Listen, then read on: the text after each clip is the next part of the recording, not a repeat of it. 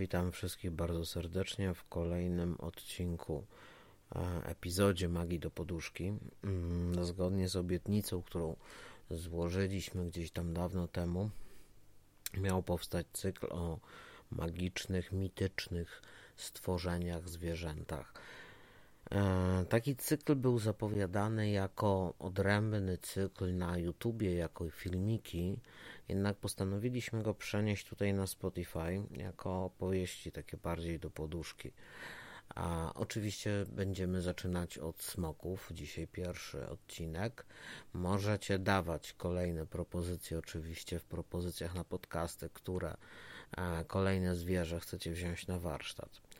E, oczywiście zaczynamy od smoków, bo jesteśmy ze smoczej przystani, na smokach znamy się najlepiej. E, zacznijmy od troszeczkę naukowych informacji, ponieważ smoki jako zwierzęta istniały naprawdę, nie są to mityczne stworzenia. E, smoki to mm, rodzaj dużego drapieżnego ichtiozaura, które mm, ewoluowały do takiej wersji smoczej w późnym Triasie na terenach współczesnej Europy.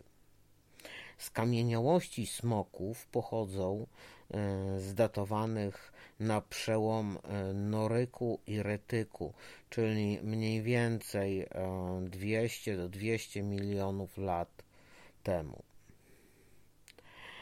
Co ciekawe, jeden z praktycznie kompletnych szkieletów smoka odkryto w Lisowicach koło Lub, e, Lub, Lubinca, Lubina, jakoś tak, chyba Lubinca. E, mierzył on około 5-6 metrów długości, z czego blisko 60 cm przypadało na samą czaszkę. A jednym z największych e, tego typu gatunków, czyli achtiozaurów żyjących w tamtych czasach. Prawdopodobnie rozwinął się jako dominujący i po prostu e, zdominował e, ten rodzaj gatunku na tyle, że e, wybił wszystkie inne podobne, podobnej wielkości dinozaury. Natomiast smoki ewoluowały nadal i przetrwały wyginięcie dinozaurów. E, pozycja filogeniczna jest trudna do ustalenia. Smok wykazuje pewne cechy występujące u e, teropotydów, e, rauizuchów i bardziej prymitywnych archozaurów. Kurde, bardzo dużo mądrych słów. Smok jest znany z bardziej kompletnych i lepiej zachowanych skamieniałości niż większość e, dinozaurów z tamtego okresu, co ciekawe. Mm. Jeżeli chodzi o taką typową anatomię, to na podstawie wielkości kości e, przedszczękowej, szczękowej i jarzmowej długości czaszki Szacowano ją na około od 50 do 60 cm, tak jak mówiłem. zwierzęta mierzyły około 6 metrów długości. Długość przedszczękowa jest wysoka i masywna. Obejmuje cztery zęby, bardziej okrągłe w przekroju niż zęby e, kości szczękowej lub zębowej. W kości szczękowej znajdowało się 11 lub 12, a w zębowej 14 zakrzywionych e, ku tyłowi e, pikowanych zębów. Coś jak dzisiejsze węże, tylko że większe jak anakonda. E, zęby te miały, mogły mieć nawet do 10 cm długości. Okno przedoczodołowe nie jest wysokie, w przybliżeniu trójkątne, e, jedynie w przedniej części otoczone niewielkim dołem przedoczodołowym. Zaawansowaną budową cechuje, cechuje się puszka mózgowa smoka. Oś kości ramieniowej jest podłużnie skręcona. Długość grzebienia nadramiennego nie przekracza 30% długości trzonu kości, a natomiast kość biodrowa jest wysoka i masywna z zamkniętą panewką stawu biodrowego. E, kość krzyżowa składa się z trzech kręgów przyrośniętych żebrami krzyżowymi do kości biodrowej. Bardziej szczegółowy opis anatomii i anatomii osteologii smoka jest przygotowany w pracy doktorskiej e, pana profesora Grzegorza Niedźwieckiego, jeżeli ktoś bardziej by się chciał poznać. Co to znaczy ten opis e, tych wszystkich kości, które ja tutaj teraz opisałem? Świadczy to o tym, że smoki poruszały się zazwyczaj, jeżeli chodziły po ziemi, poruszały się na dwóch nogach. Nie na czterech, tylko na dwóch.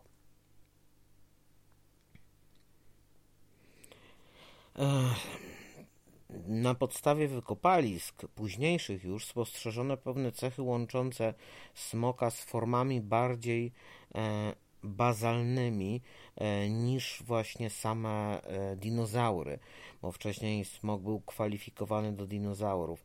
Niestety późniejsze wykopaliska udowodniły, że tak nie jest. W 2011 roku Niedźwiedź, Niedźwiecki, o którym wspomniałem, jego współpracownicy nie byli pewni co do identyfikacji smoka jako teropoda, stwierdzili, że liczne e, homeoplazje występujące e, u tego typu e, dinozaurów z tamtego okresu utrudniają ustalenie jego pozycji filogenetycznej. Smok jest z pewnością zwierzęciem kiedyś zamieszkującym Ziemię. Obecnie zdaje się być e, całkowicie e, na wymarciu, czyli gatunkiem wymarłym.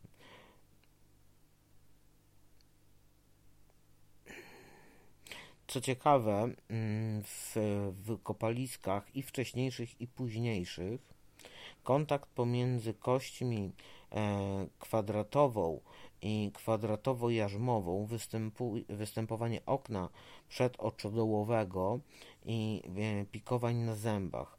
E, przynależność taka, tego typu dowodzi obecności skrywających się pośród wzrostu podniebieniach kości szczękowych oraz przednio-przyśrodkowy guzek na proksymalnej kości udowej. To jest cały czas nauka. Można się tutaj do, do, e, dostać się do prac profesora Niedźwieckiego. E, jest niesamowicie prosto, wystarczy napisać do Biblioteki Jagiellońskiej. Natomiast teraz patrząc na smoki od strony bardziej mitologicznej, bardziej ludzkiej, bardziej opisanej, mniej archeologicznej, Oczywiście występują chyba we wszystkich możliwych ludowych e, i etnicznych mitach, legendach, literaturach, już nie wspominając o filmach i grach. E, I tu oczywiście co mit, co legenda, już o filmie i grze nie wspomnę, jest coś innego. Jest coś, co je wszystkie łączy, ale też każdy dorzuca coś swojego, coś swojego odejmuje i zrobił się wielki miszmasz na ten temat. Na przykład w niektórych przypadkach przedstawiane są one jako istoty obdarzone dużą inteligencją.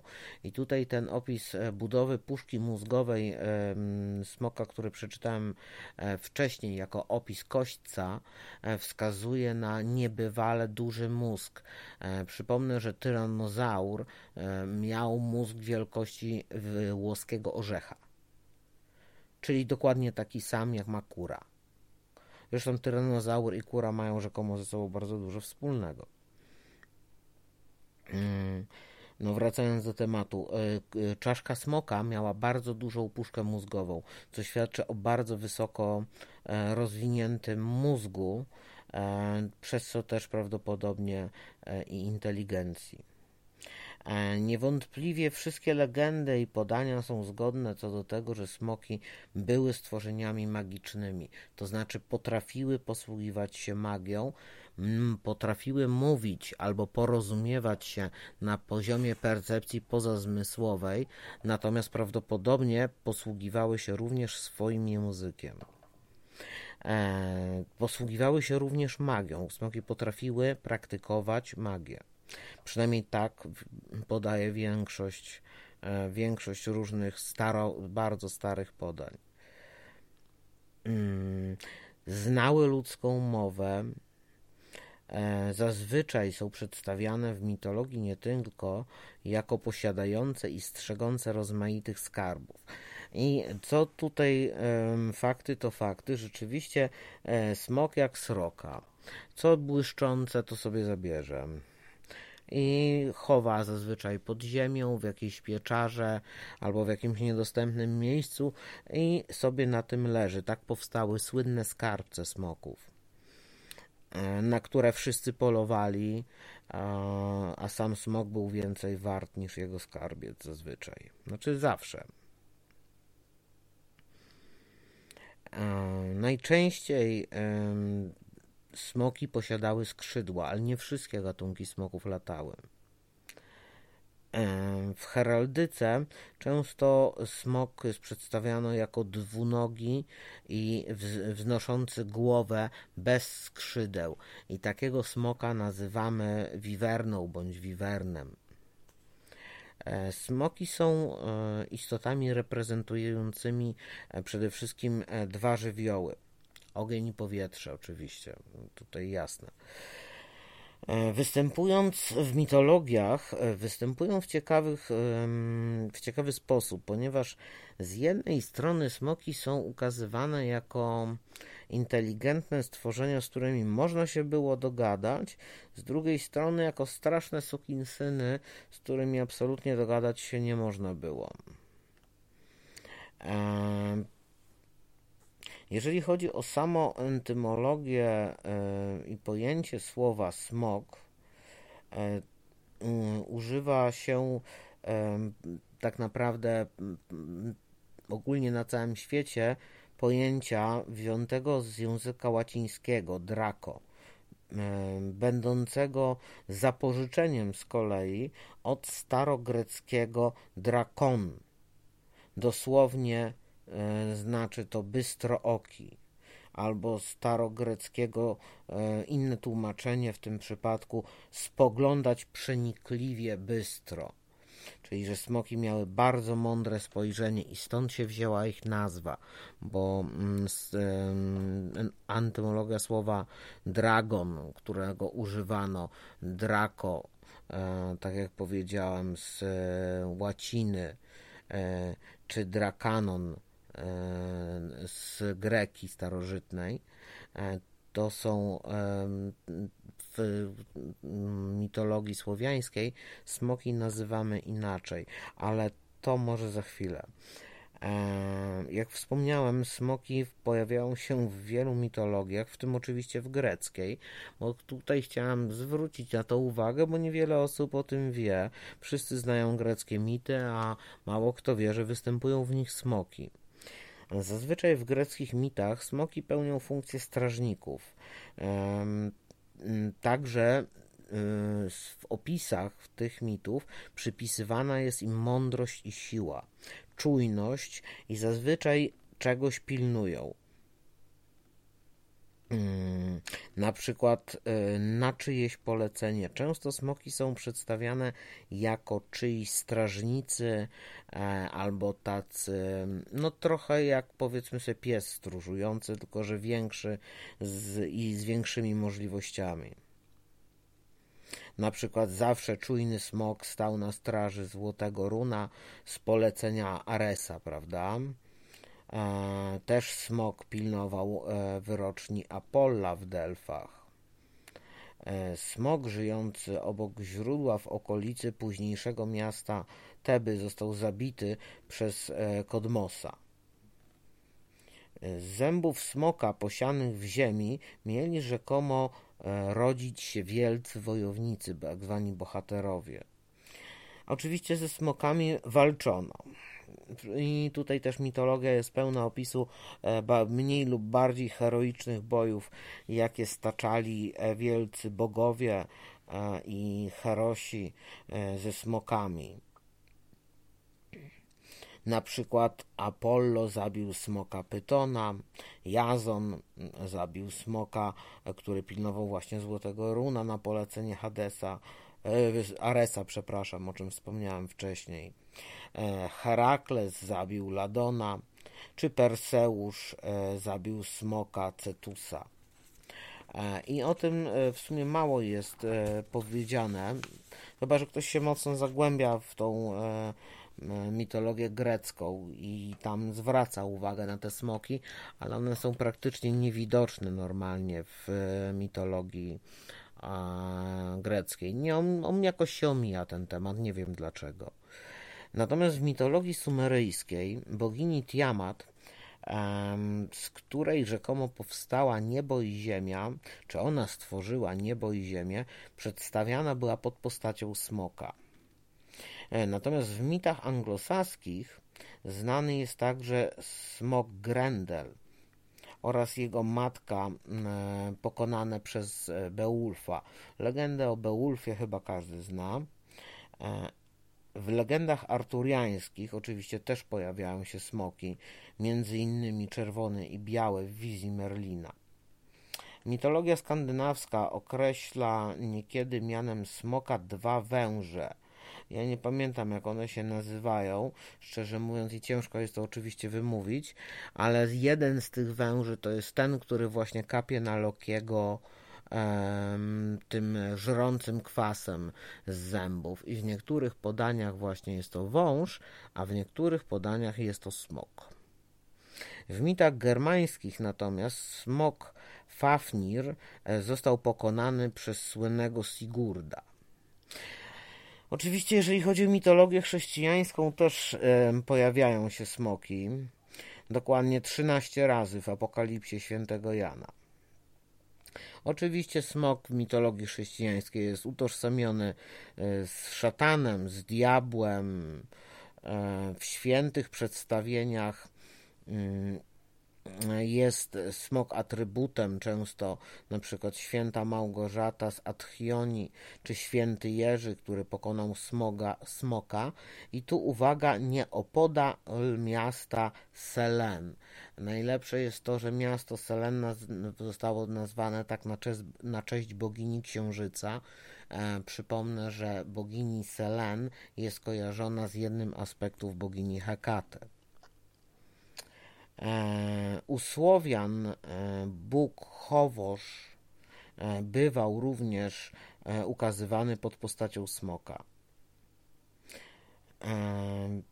Smoki również pojawiają się w wielu źródłach starożytnych, średniowiecznych, bestiariuszach, fizjologiach oraz licznych późniejszych źródłach, które mm, w większości opierają się na wymienionych wyżej, czyli mm, nie wiemy dokładnie, kiedy smoki wyginęły, ponieważ mm, ich opracowania pochodzą ze znacznie późniejszych czasów e, niż same smoki. Już po prostu ich już nie było, ale nadal powstawały opracowania na ich temat.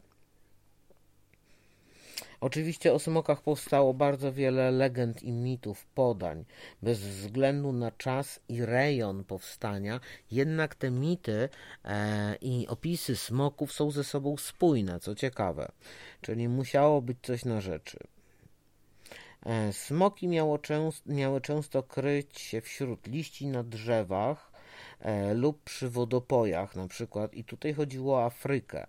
E, Zulusi podają, podania zuluskie, malunki naskalne wskazują, że smoki polowały na słonie. Gdy te przychodziły pod drzewami, smoki rzucały się na nie i dusiły lub też zabijały trującym oddechem, e, potem wypijały z nich chłodną, nawet podczas upałów krew. I to jest ciekawy opis smoka, ponieważ jest, to jest jedyny opis smoków, jakie znalazłem, które piły krew. to są, to są smoki opisane przez zuluskich szamanów właśnie w Afryce.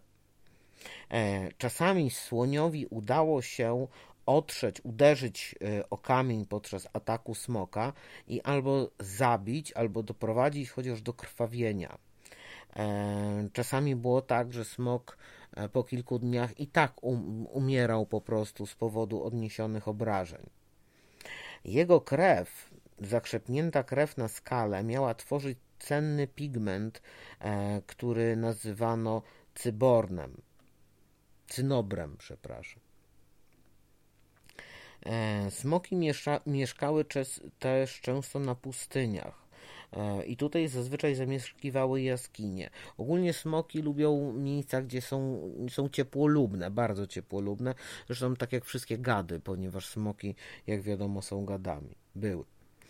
E, gdy wychodziły przed wejściem swojej jaskini, powietrze zaczynało wirować i unosiło, o, i unosiły je w powietrze. Wedle niektórych autorów starych podań smoki mogły latać też dzięki sile swojego jadu, przed którym uchodziło nawet morze i powietrze. Czyli to by nie tyle bym powiedział, że smoki latały według tej teorii, co po prostu lewitowały. Mm, z czym też można się spotkać na przykład w opisie e, smoków chińskich lub japońskich. One bardziej przypominają węże z małymi łapkami i nie mają skrzydeł. E, w smoczych głowach natomiast znajdowały się białe, twarde, drogocenne, czarodziejskie kamienie zwane e, drakonce lub karbankuły. Nosili je ponoć często królowie na Dalekim Wschodzie, dokładnie w Persji i właśnie w starożytnym Sumerze. E, by je zdobyć, odważni myśliwi lub magowie, znaczy myśliwi bardziej usiłowali zabić smoka. E, magowie, jeżeli mieli za zadanie zdobyć jedynie karbankuły, e, usypiali smoki odpowiednimi mieszankami ziołowymi ale zazwyczaj, no nie bądźmy hipokrytami, zazwyczaj kończyło się to tak czy inaczej śmiercią smoka, ponieważ cały smok był bardzo, bardzo cenny i składał się z samych cennych dla maga i magii czy wiedźmy e, komponentów. E, smok miał też liczne związki z morzem. E, bywały bowiem odmiany wodne. Może część z Was słyszała o smokach wodnych miały ponoć e, pragnienie tak wielkie, że sama woda im nie wystarczała i połykały wiatr. W tym celu mm, goniły statki, odbierały im wiatr w żagli, e, e, z żagli, stąd pojęcie ciszy morskiej, ale przewracały przy tym te statki. A tutaj możemy przeszukać analogii na przykład do białego szkwału. Niekiedy e, pojawiały się także legendy wiążące wpływ e, z połykaniem wody przez ogromne smoki e, żyjące na dnie wód. Tutaj na przykład takim smokiem żyjącym na dnie wód jest lewiatan, chyba najbardziej znanym, prawda? I tutaj jest, no, starałem się opisać smoki jak najbardziej dokładnie odnośnie tego, jak e, wyglądały, jak wyglądają skamieliny.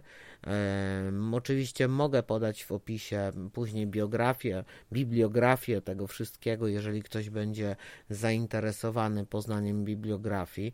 E, niestety poza profesorem e, Niedźwieckim e, i jego mm, pomocnikami będą to opracowania w języku angielskim lub innych językach, ale zazwyczaj będą to opracowania wszystkich publikacji w języku angielskim. Jednak e, profesor Niedźwiecki pisał swoje prace doktorskie po polsku, więc z tego można skorzystać. Jeżeli ktoś będzie zainteresowany bibliografią, to proszę, żeby napisał komentarz w komentarzach do podcastów, czy tam w dyskusji podcast, nie wiem jak to tam jest dokładnie napisane na, na Discordzie. No cóż, mam nadzieję, że przybliżyłem Wam temat smoków e, od strony bardziej naukowej i rzeczywistej niż bajkowej i magicznej. Co ciekawe, mm, smoki, mm, tak jak właśnie mm, na przykład e, Smoki były dinozaurami, można śmiało powiedzieć, tylko że w przeciwieństwie do dinozaurów, smoki w jakiś sposób ewoluowały cały czas, natomiast dinozaury nie. Dlatego dinozaury wyginęły, smoki by pewnie nie wyginęły, gdyby nie zostały wybite przez e, ludzi rządnych ich kłów, e, ale przede wszystkim wiktriolu. E, smok w podgardlu miał coś w rodzaju wola. Mm, I w tym wolu, w takim worku, e, znajdował, znajdowała się ciecz, bo smoki nie ziały ogniem. E, smoki produkowały wiktriol, czyli ciecz, która w zetknięciu z powietrzem natychmiast się zapalała. Znamy mm, z historii e, kilka przykładów, na przykład takiego czegoś jak ogień grecki. E, czy w dzisiejszych czasach chemicy są w stanie stworzyć, e, czy tam helleński w zasadzie, ale w dzisiejszych czasach chemicy są w stanie stworzyć tak zwany pyr-automaton, czyli właśnie substancję, która będzie się zapalać w kontakcie, w kontakcie z powietrzem więc jest to jak najbardziej możliwe, ale smoki zabijano głównie dla wiktriolu.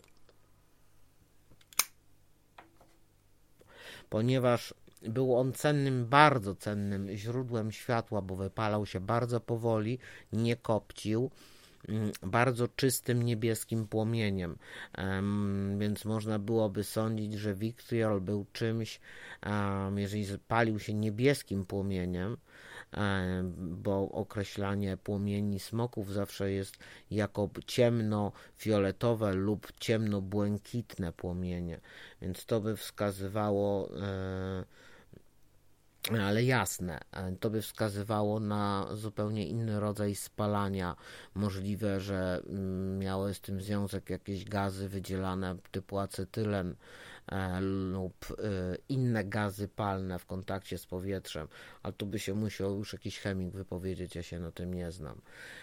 W każdym razie w postaci mm, realnej, rzeczywistej smoków już nie ma. Tak jak powiedziałem, smoki zostały wybite do nogi, wytępione z powodu tego, że były cenne. Cenne dla magów, dla wiedźm, dla czarownic, dla szamanów, cenne dla królów, monarchów, E, cesarzy, władców.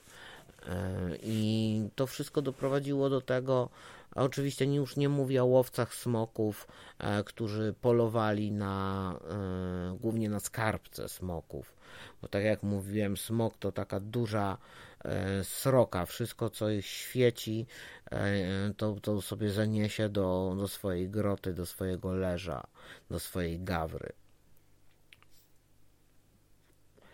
Natomiast smoki przetrwały w postaci e, bytów energetycznych. I tutaj dlaczego smocza przystań? Znaczy to, że nazwa się prześnima Konstancji i w ogóle nie dotyczyła miejsca, w którym w tej chwili jest posiadłość smoczej przystani. Natomiast akurat tak się złożyło, że w posiadłości Smoczej Przystani e, mieszka przynajmniej jeden bardzo stary smok, właśnie w postaci energetycznej na strychu. E, drugi smok rezyduje zazwyczaj na dachu wiaty, z tym, że co do tego drugiego smoka, nie mam dokładnie pewności, czy to jest w 100% smok, ponieważ, jak wspominałem, mm, kiedy tworzyliśmy pierwszą Atlantydę, tworzyliśmy też różne hybrydy. I tak, to my stworzyliśmy smoki. Tutaj już od razu odpowiadam na pytanie, ale nie o to mi chodziło. Chodziło mi o to, że Robiliśmy też krzyżówki transgenetyczne, e, czyli hybrydyzowaliśmy nasze własne powłoki, nasze własne geny ze smoczymi. I tak powstało coś, mm, co nazywamy smoczym potomkiem. To jest mak, który pomieszał swój genotyp ze smokiem i prawdopodobnie to, co siedzi na wiacie, to jest e, tylko, że smoczy potomek to się nie udało i oczywiście eksperyment został szybko zarzucony, bo okazało się, że geny smoka wobec genów człowieka są e, znacznie bardziej agresywne, a geny ludzkie czy nieludzkie w tym przypadku są recesywne. I smoczy potomek im był starszy, tym bardziej zaczynał przypominać smoka niż człowieka. zaczęły mu wyrastać skrzydła i po iluś tam set latach po prostu stawał się smokiem. Bez względu na to, jak bardzo chciałby ten proces zatrzymać, on był nieodwracalny. Dlatego zaniechano eksperymentów łączenia genetycznego e, ras humanoidalnych ze smokami, aczkolwiek same smoki e, są produktem w sumie mogę się przyznać, że naszym i sztucznym powstały za czasów pierwszej Atlantydy i miały właśnie pełnić rolę strażników, ale również formy komunikacyjnej, bo na smokach się również latało. E, o czym może kiedy indziej i przy czym e, chyba była nawet nie jeden film i nie jedna książka, w której latało się na smokach i rzeczywiście na smoku można było lecieć. Tylko potrzebne było, tak jak przy koniu, odpowiednie siodło i odpowiednia, znaczy tutaj nie uprząż, tu chodziło o to, żeby się, bo w, przeciwieństwie do konia, który porusza się tylko w dwóch wymiarach, niestety smoki poruszały się w trzech wymiarach, czyli jeszcze góra-dół i uprząż musiała być e, tak skonstruowana, żeby smoczy jeździec przypadkiem nie wywinął orła e, ze swojego siodełka na smoku. Mm, ale tak smoki służyły jako rodzaj transportu. O żadnej uździe i wędzidle oczywiście nie można być, nie mogło być mowy za czasów, kiedy rzeczywiście na smokach latano, porozumiewano się z nimi za pomocą e, percepcji pozazmysłowej, mm, czyli czegoś w rodzaju telepatii. Smok po prostu wiedział, gdzie ma lecieć. E, co się ustalało zazwyczaj albo w czasie podróży, albo przed podróżą. E, I, i tak to wyglądało. Najszybciej chyba zostały wybite te smoki, które nie latały właśnie i te, które były, nie były tak specjalnie groźne dla ludzi, ale były bardzo um, atrakcyjne właśnie z punktu widzenia chociażby skóry w pewnym momencie zrobiło się, zrobiły się bardzo modne buty ze smoczej skóry, e, czy chociażby płaszcz ze smoczej skóry. E, poza tym smocza skóra i smocza łuska miały niesamowicie e, potężne, znaczy potężne, potężną wytrzymałość mechaniczną a więc naramiennik, karwasz ze smoczej łuski. Nie mówię już o czymś takim jak kolczuga czy zbroja, bo to byłoby niewykonalne finansowo dla nikogo, ale właśnie naramiennik chociażby czy karwasz zapewniał zasadniczo stuprocentową ochronę przed jakimkolwiek uderzeniem zwykłą bronią czy strzeleniem, nawet bełtem z kuszy w smoczą łuskę niewiele dawało, ponieważ gęstość smoczych łusek była tak duża, że bełt e, czy jakikolwiek inny pocisk, czy uderzenie e, bronią sieczną czy obuchową po prostu powodowało ześlizgnięcie się e, broni bądź bełtu po łusce. Dlatego najlepsze, najlepsze karwasze były do tego. No nic, chyba się nagadałem o smokach wystarczająco na dziś dzień. Jeżeli coś trzeba będzie dopowiedzieć, to dajcie mi znać w komentarzach albo jutro na live.